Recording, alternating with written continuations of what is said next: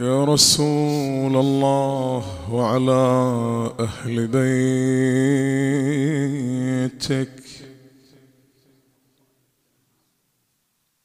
الطاهرين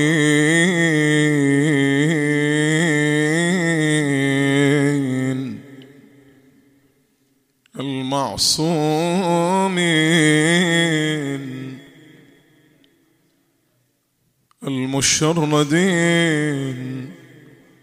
عن الأوطان السلام عليك يا مولاي يا أبا عبد الله. وعلى الأرواح التي حلت بفنائك وأنا خت برحلك. يا ليتنا كنا معكم فنفوز فوزا عظيما.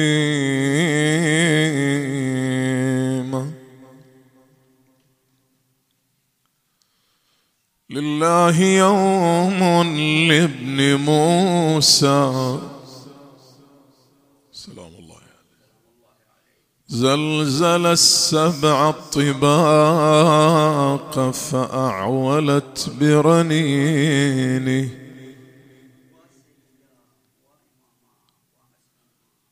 يوم به أشجى البتولة خائنون يدعى بعكس الأمر بالمأمون.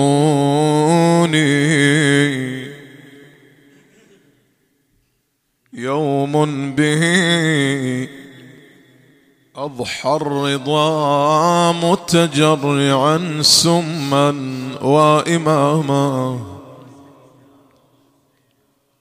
وأي سم هذا السم؟ من أشد السموم التي لاقاها أهل البيت.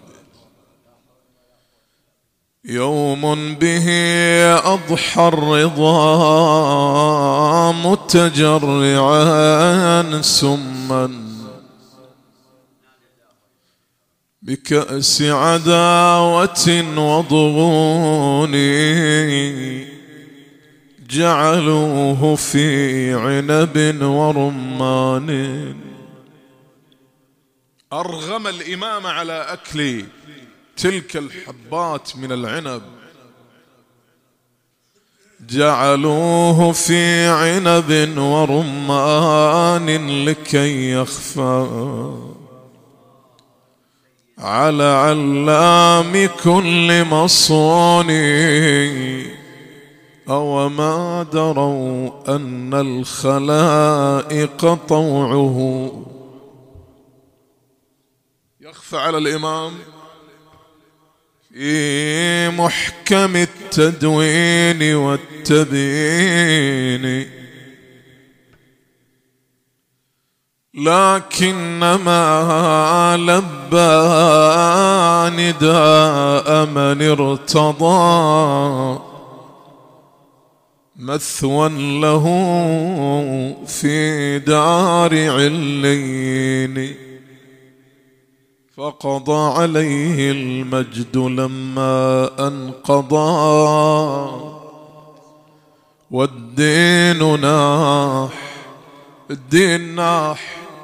والرسول والزهراء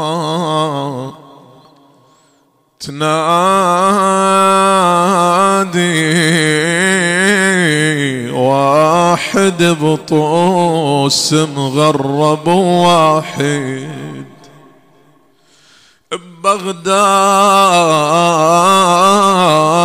ببغداد واحد بسامراء وعني كلهم بعاد. مشتتون. ما عندي إلا من سقوه السم في زاد.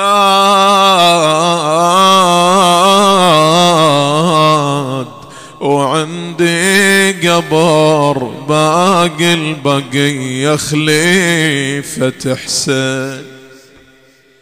وأنا على مسموم جعد في عزية. أبكي مصابة ودخلت الأعداء علي. وانساني ضلوعي غريب الغاضريه كل المصايب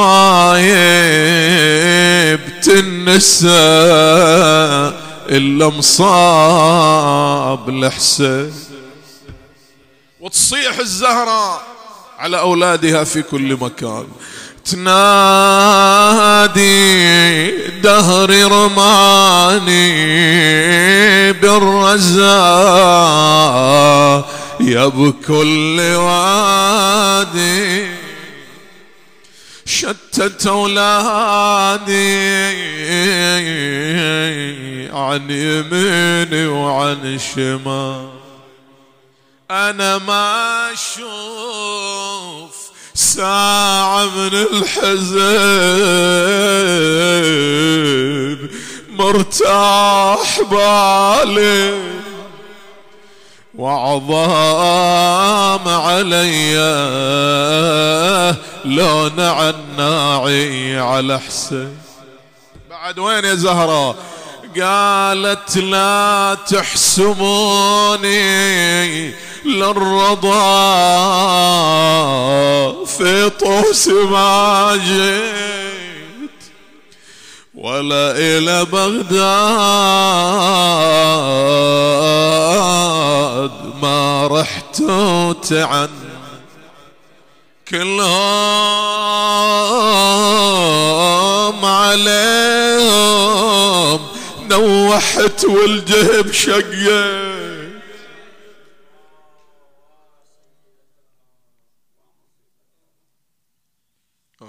بالله من الشيطان الرجيم. وإذ قال ربك للملائكة إني جاعل في الأرض خليفة. قالوا أتجعل فيها من يفسد فيها ويسفك الدماء. ونحن نسبح بحمدك ونقدس لك.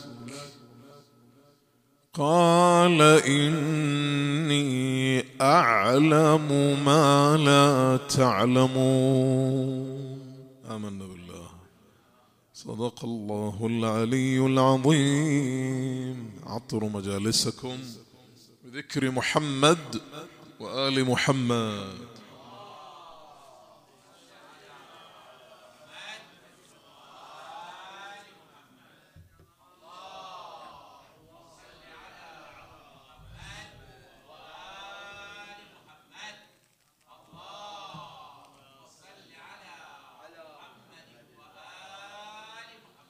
كيف استحق الإنسان شرف الخلافة ووسام الخلافة؟ المحور الثاني ما هي الخلافة التي أعطاها الله تعالى للإنسان؟ المحور الثالث هل جسد الإمام الرضا سلام الله عليه خلافة الله في أرضه؟ المحور الأول بما استحق الإنسان أن ينال شرف الخلافة ووسام الخلافة العلماء يقولون بأن هذه الأرض التي نعيش عليها حجم هالأرض؟ إيش كبر هالأرض؟ بحار وأودية وجبال ومساحات ممتدة. يقولون بأن هذه الأرض تبدو بالنسبة إلى الموجودات الأخرى. كنقطة زرقاء صغيرة حقيرة لا تكاد ترى.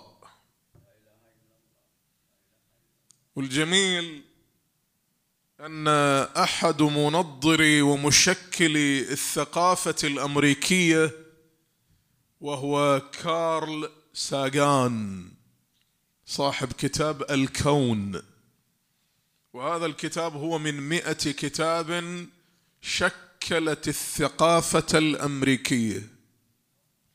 كارل ساغان كانت له اليد البيضاء في تبسيط علوم الفلك وعلوم الفيزياء الطبيعية. وكان له دور كبير في البحث عن المخلوقات الذكية خارج الكرة الأرضية. يعتقد ساغان أن هناك مخلوقات ذكية خارج إطارنا وخارج أرضنا. درس في جامعة شيكاغو عام 1960 ميلادية. يقولون إن درب التبانة مجرة التبانة تشكل يشكل منها تسعة وتسعين بالمئة وتسعة من العشرة الشمس وصفر من واحد من العشرة للأرض والإنسان وباقي الكواكب.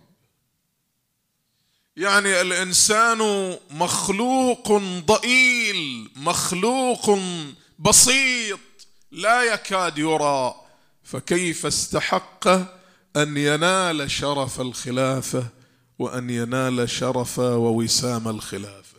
كيف استحق؟ علماؤنا يقولون استحق الإنسان أن ينال وسام الخلافة لأنه أقدر المخلوقات على الإبداع والإنجاز والتغيير. أقدر الموجودات. هو الإنسان. أقدرهم على الإطلاق.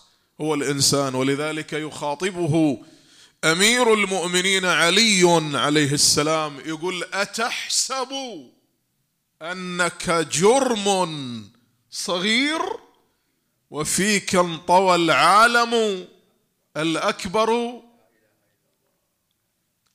فالإنسان لديه القدرة على الإبداع وعلى الإنجاز وعلى التغيير مو مثل باقي الحيوانات. يناقش البعض يقول حتى الحيوانات عندهم مهارات وأين مهارة الحيوان بالقياس إلى مهارة الإنسان؟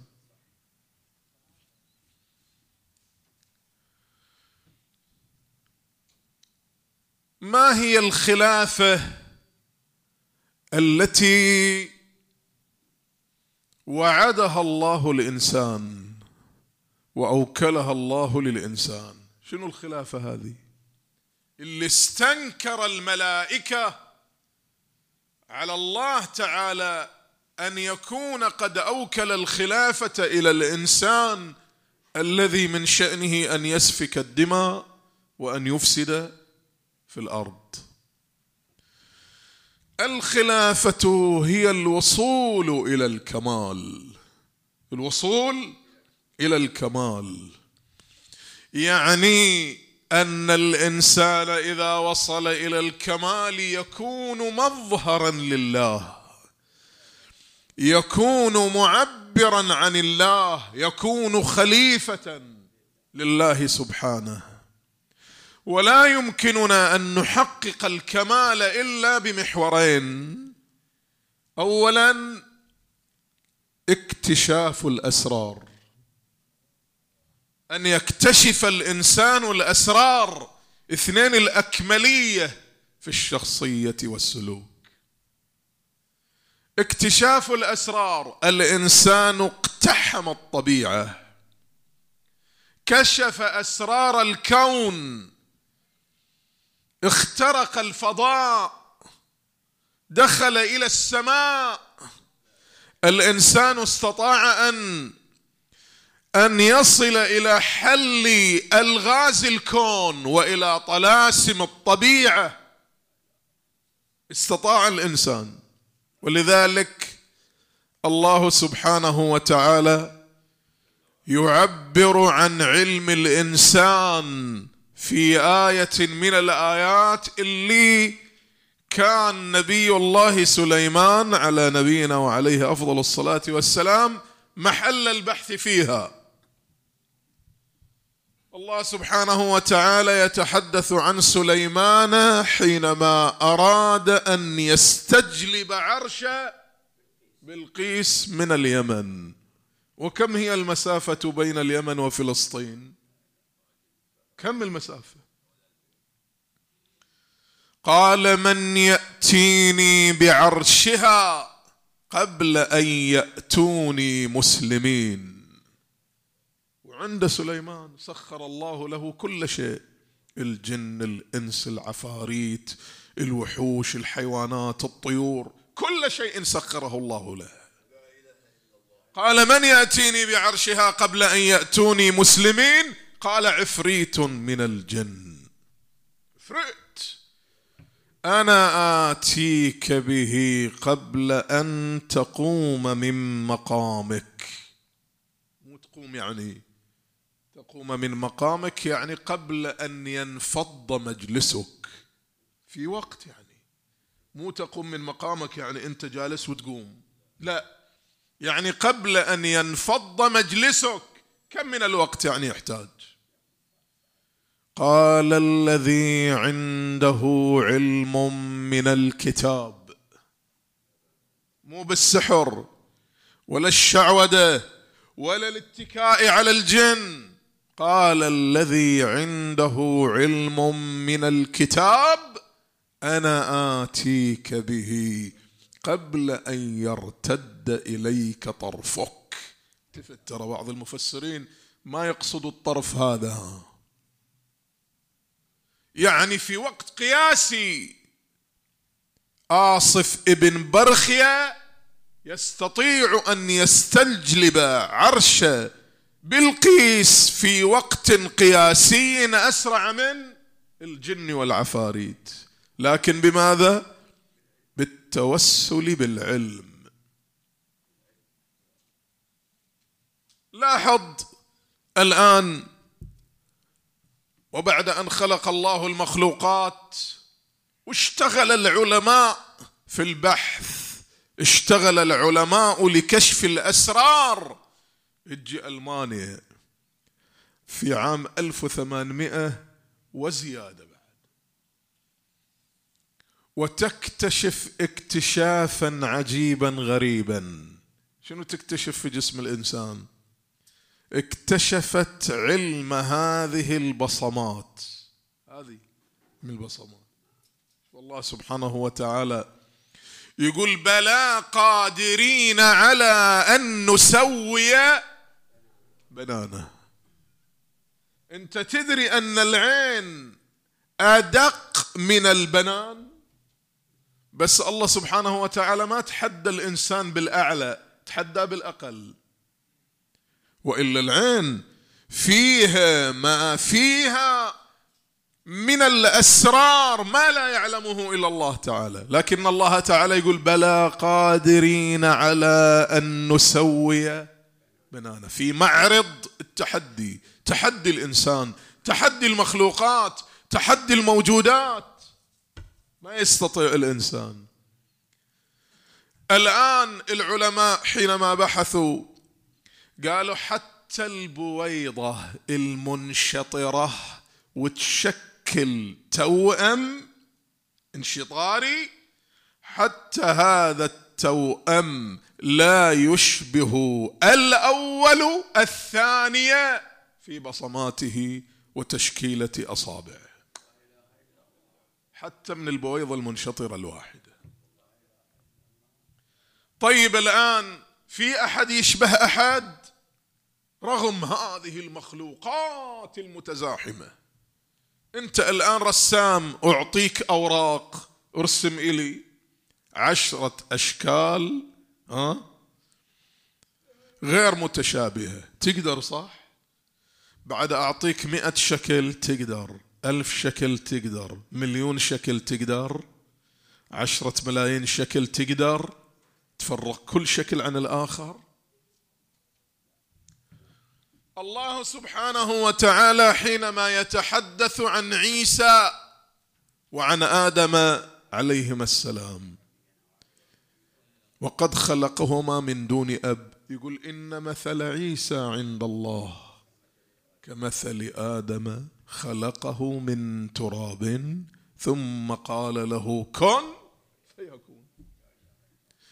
الله سبحانه وتعالى خلق عيسى وخلق آدم بالأصالة. لكن الإنسان هل هو قادر على أن يخلق الخلق من دون أب؟ يقدر؟ قالوا يقدر. في عام 1996 خرجت هذه النعجة دولي اللي صارت ضجة في العالم جراء خلقها. خلقت اسكتلندا عام 1996 نعجة ابتداء دون أب اعتمادا على الخلية الحية بالنسبة إلى الأم. لكن خلقهم لم يكن خلقا بالأصالة وإنما خلقهم خلق بالتبع وليس بالأصالة. استطاع الإنسان أن يتعرف على سر الخلقة استطاع أن يخلق شيئا من دون أب. إنه الأول الأقدر على كشف الأسرار. الله سبحانه وتعالى حينما يتحدث عن مختصاته عن علمه التي اختص بها شو يقول؟ إن الله عنده علم الساعة وينزل الغيث ويعلم ما في الأرحام وما تدري نفس ماذا تكسب غدا وما تدري نفس بأي أرض تموت. علم الساعة الآن يستطيع الإنسان ان أن يسبر الغور فيه. وأن يتحدث عنه لكن الإنسان جاء وقال عن طريق طبعا عن طريق معرفة الشريط الجيني في البويضة الملقحة. استطاع الإنسان أن يعرف ما في بطن المرأة أهو ذكر أم أنثى؟ صحيح. الآن المرأة في الخمسة أشهر يقولون لها عن طريق التلفاز يقولون لها أن هذا ولد أو هذه بنت. ومع ذلك ترى بعض الأشخاص حدثوني. قالوا لي الطب مصر على أن الجنين الذي في بطن زوجتي ولد. ولما ولدت زوجتي وإذا بها أنثى. الطب قد يتأخر وقد يتخلف علمه. الطب بالاعتماد على الوسائل. يستطيع أن يقول إن هذا ذكر أو هذا أنثى. لكن الذي يعلم قبل أن تخلق هذه البويضة وقبل أن تلقح من هذه البويضة من قبل الحيوان المنوي من الذي يعلم أنه ذكر أو أنثى؟ الله سبحانه وتعالى. فهم يعلمون الآن ما لون شعر الطفل الجنين. شلونه اشقر أسود؟ ويعلمون مقدار قامته ويعلمون ما هي الأمراض التي تكتسيه شنو مصاب هذا الطفل؟ وربما يعلمون فصيلة دمه وهو في وين؟ وهو في بطن أمه. لكن العلم غير قادر على أن يعلم أن هذا الجنين سعيد أم شقي. يقدر يلا شغلوا أجهزتكم. هل هناك عالم من العلماء يستطيع أن يقول بأن هذا الجنين الذي في بطن أمه سيولد سعيدا؟ سينشأ سعيدا؟ سيولد شقيا؟ سيعيش شقيا؟ ما حد يستطيع إلا الله سبحانه وتعالى. اذا قدرة الإنسان على كشف الأسرار على حل الألغاز ألغاز الكون ألغاز الطبيعة هي التي توصله نحو الكمال اثنين الأكملية في سلوكه وشخصيته. بسم الله الرحمن الرحيم. تبارك الذي بيده الملك وهو على كل شيء قدير. الذي خلق الموت والحياة. ليش؟ قال ليبلوكم أيكم أحسن عملا. ما قال أيكم يحسن العمل. قال أحسن أفعل التفضيل هنا. فالله سبحانه وتعالى يريد من الإنسان الكمال حيث يصبح الأفضل في دراسته. الأفضل في وظيفته الأفضل في إيمانه الأفضل في أخلاقه الأفضل في تعامله. هل جسد المحور الثالث؟ ولا أطيل عليك. هل جسد الإمام الرضا خلافة الله؟ سلام الله عليه. خلافة الله في أرضه؟ نعم. الإمام سلام الله عليه هو الأكمل وما خلق الله تعالى هذه الأكوان كلها إلا من أجل الأكمل ولا يوجد أكمل إلا محمد وآل محمد.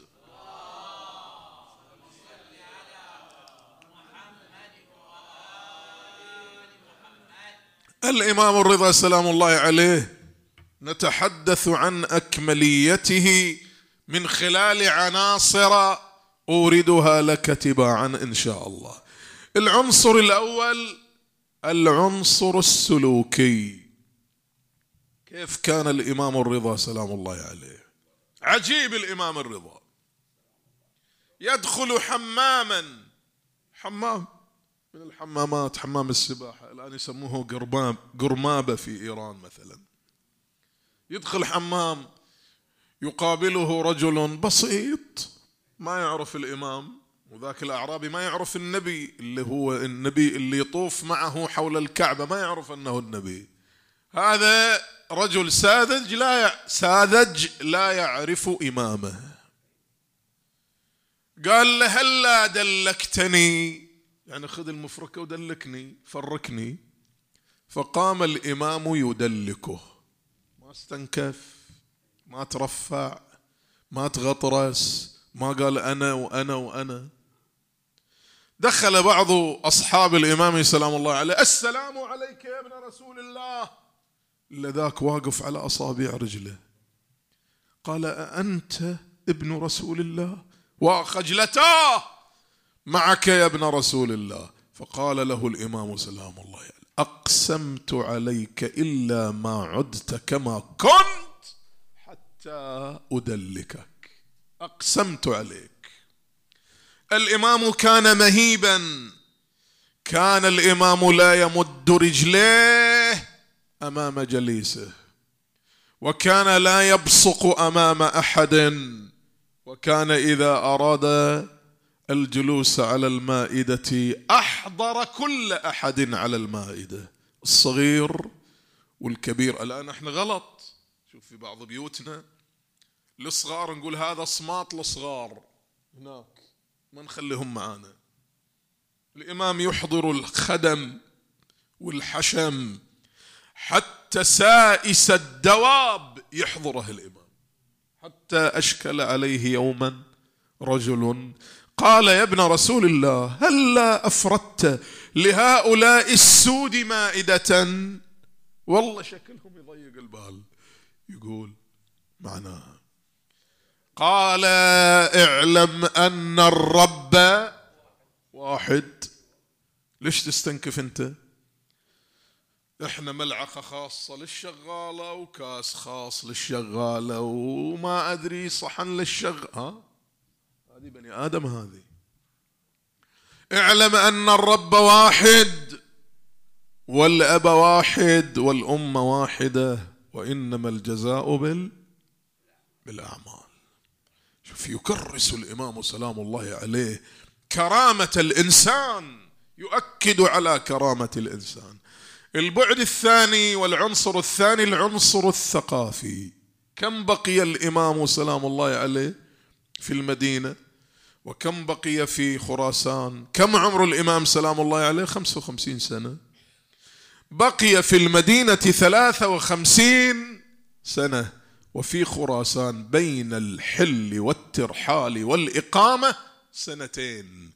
الباحثون المتابعون لحركة علم الإمام سلام الله عليه يقولوا من انتشر علمه خلال ثلاثة وخمسين سنة في المدينة فلقد كان علمه مجهولا كان مغمورا. ما انتشر بمثل ما انتشر خلال سنتين في أرض خراسان. أرض مباركة.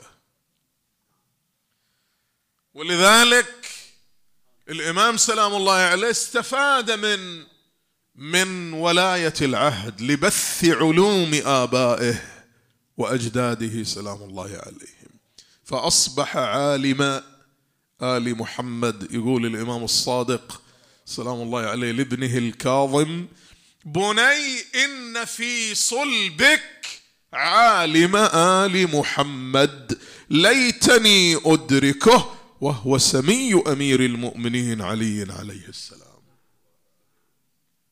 استطاع الإمام عبر المناظرات التي فتحها مع رؤساء المذاهب ورؤساء الأديان في رواق المأمون العباسي. العنصر الثالث العنصر التبليغي. رحم الله امرأ أحيا أمرنا. قال كيف يحيي أمركم؟ قال يتعلم علومنا ويعلمها الناس. يعني كل واحد منا يجب أن يتعلم علوم أهل البيت ويعلمها إلى غيره. العنصر الأخير ما أريد أطيل عليك يبدو المجلس مختصر. العنصر الأخير العنصر الشعائري الولائي. الإمام سلام الله عليه أهل البيت أرادوا ربطنا بالجانب الإيماني والجانب الروحاني عبر زيارتهم. اللهم ارزقنا في الدنيا زيارتهم. تفت شي يقول الإمام الصادق سلام الله عليه. قول ستدفن بضعة مني بأرض خراسان. من زاره عارفا بحقه ضمنت له على الله الجنة. قالوا يا ابن رسول الله وما عرفان حقه؟ قال أن تعلم أنه إمام مفترض الطاعة مسموم غريب. تعلم أنه مسموم وما سم أحد من أهل البيت فظاعه بمثل ما سم به الإمام الرضا عليه السلام. الائمه يتراوح سمهم ومقدار أيامهم وانتقالهم بين أربعين يوم مثل الإمام الحسن وقضى عليه السم. وقضى نحبه. وبين العشرين يوم وبين الخمسة عشر يوم وبين الثمانية أيام للإمام العسكري سلام الله عليه يقول لكن ثم الإمام الرضا عجيب غريب يومان ونصف وقضى عليه السم مناد ينادي وإماما. خرج من عند المأمون مغطى الرأس والسم يقدح في كبده.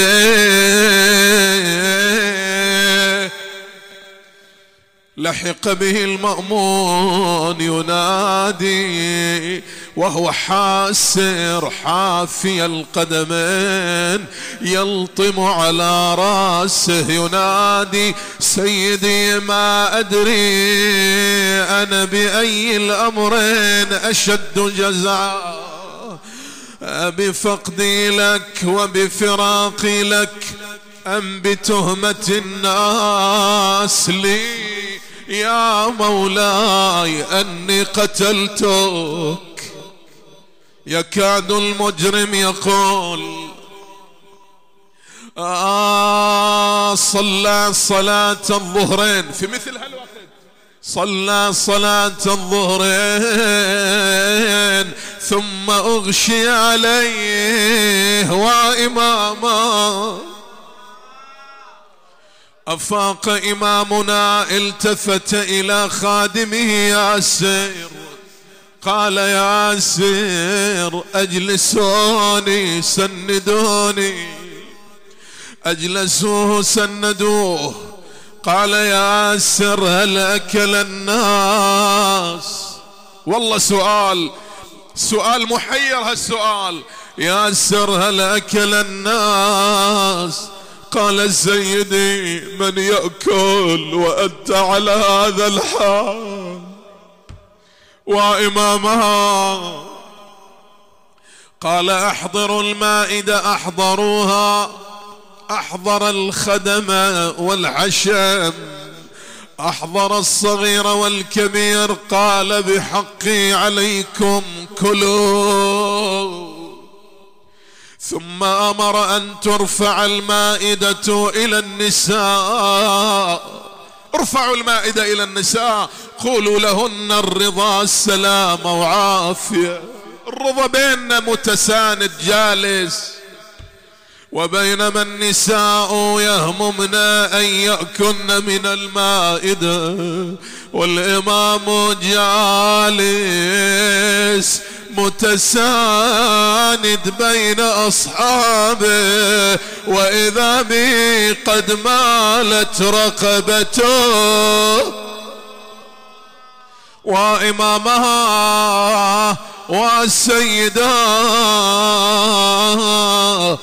لما رآه أصحابه قاموا من أماكنهم وقفوا على أرجلهم. وصاروا يصرخون وإماما. فلما سمعنا النساء الصيحة من قبل الرجال وقفنا وصرنا ينادين وإماما. يقول أبو السلط الهروي دخلت على الإمام في آخر لحظاته.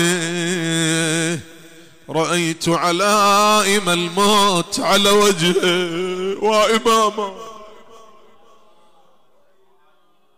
فلما أستطع البقاء عنده خرجت إلى الدهليز أبكي وبينما أنا في بكائي وإذا قد دخل علينا غلام قطط الشعار. أبلج الثنايا أشبه الناس بمولاي الرضا؟ قلت له من أدخلك والباب مغلق. اسمع شي يقول. قال الذي جاء بي من المدينة إلى هنا هذه الساعة أدخلني والباب مغلق. ثم دخل على إمامنا الرضا. من رآه الرضا فتح باع وضمه إلى صدره. صار يسار. ثم انجذب الإمام من بين يدي أبيه الرضا. ووجه أباه قبل القبلة. مدد إمامنا يديه ورجليه أغمض عينيه فاضت روحه. صرخ الجواد وأبته صرخ الناس واماما ومسموما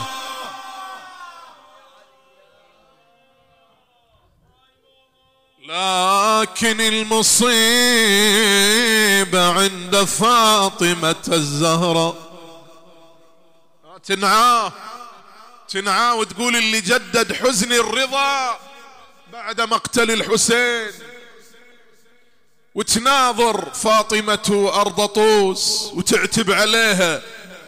تنادي يا طوس. هيجتي أحزاني وسال دمعي. خلك ويا هالأبيات. صيبة أبو السجاد أنست كسر. ضلعي وانستني اللطمة ودعتني دوم.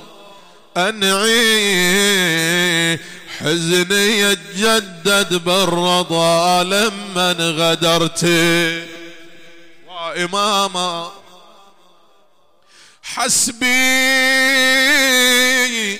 على المأمون يا مبسم غالة خان الدرب واغدر وعذب أحواله.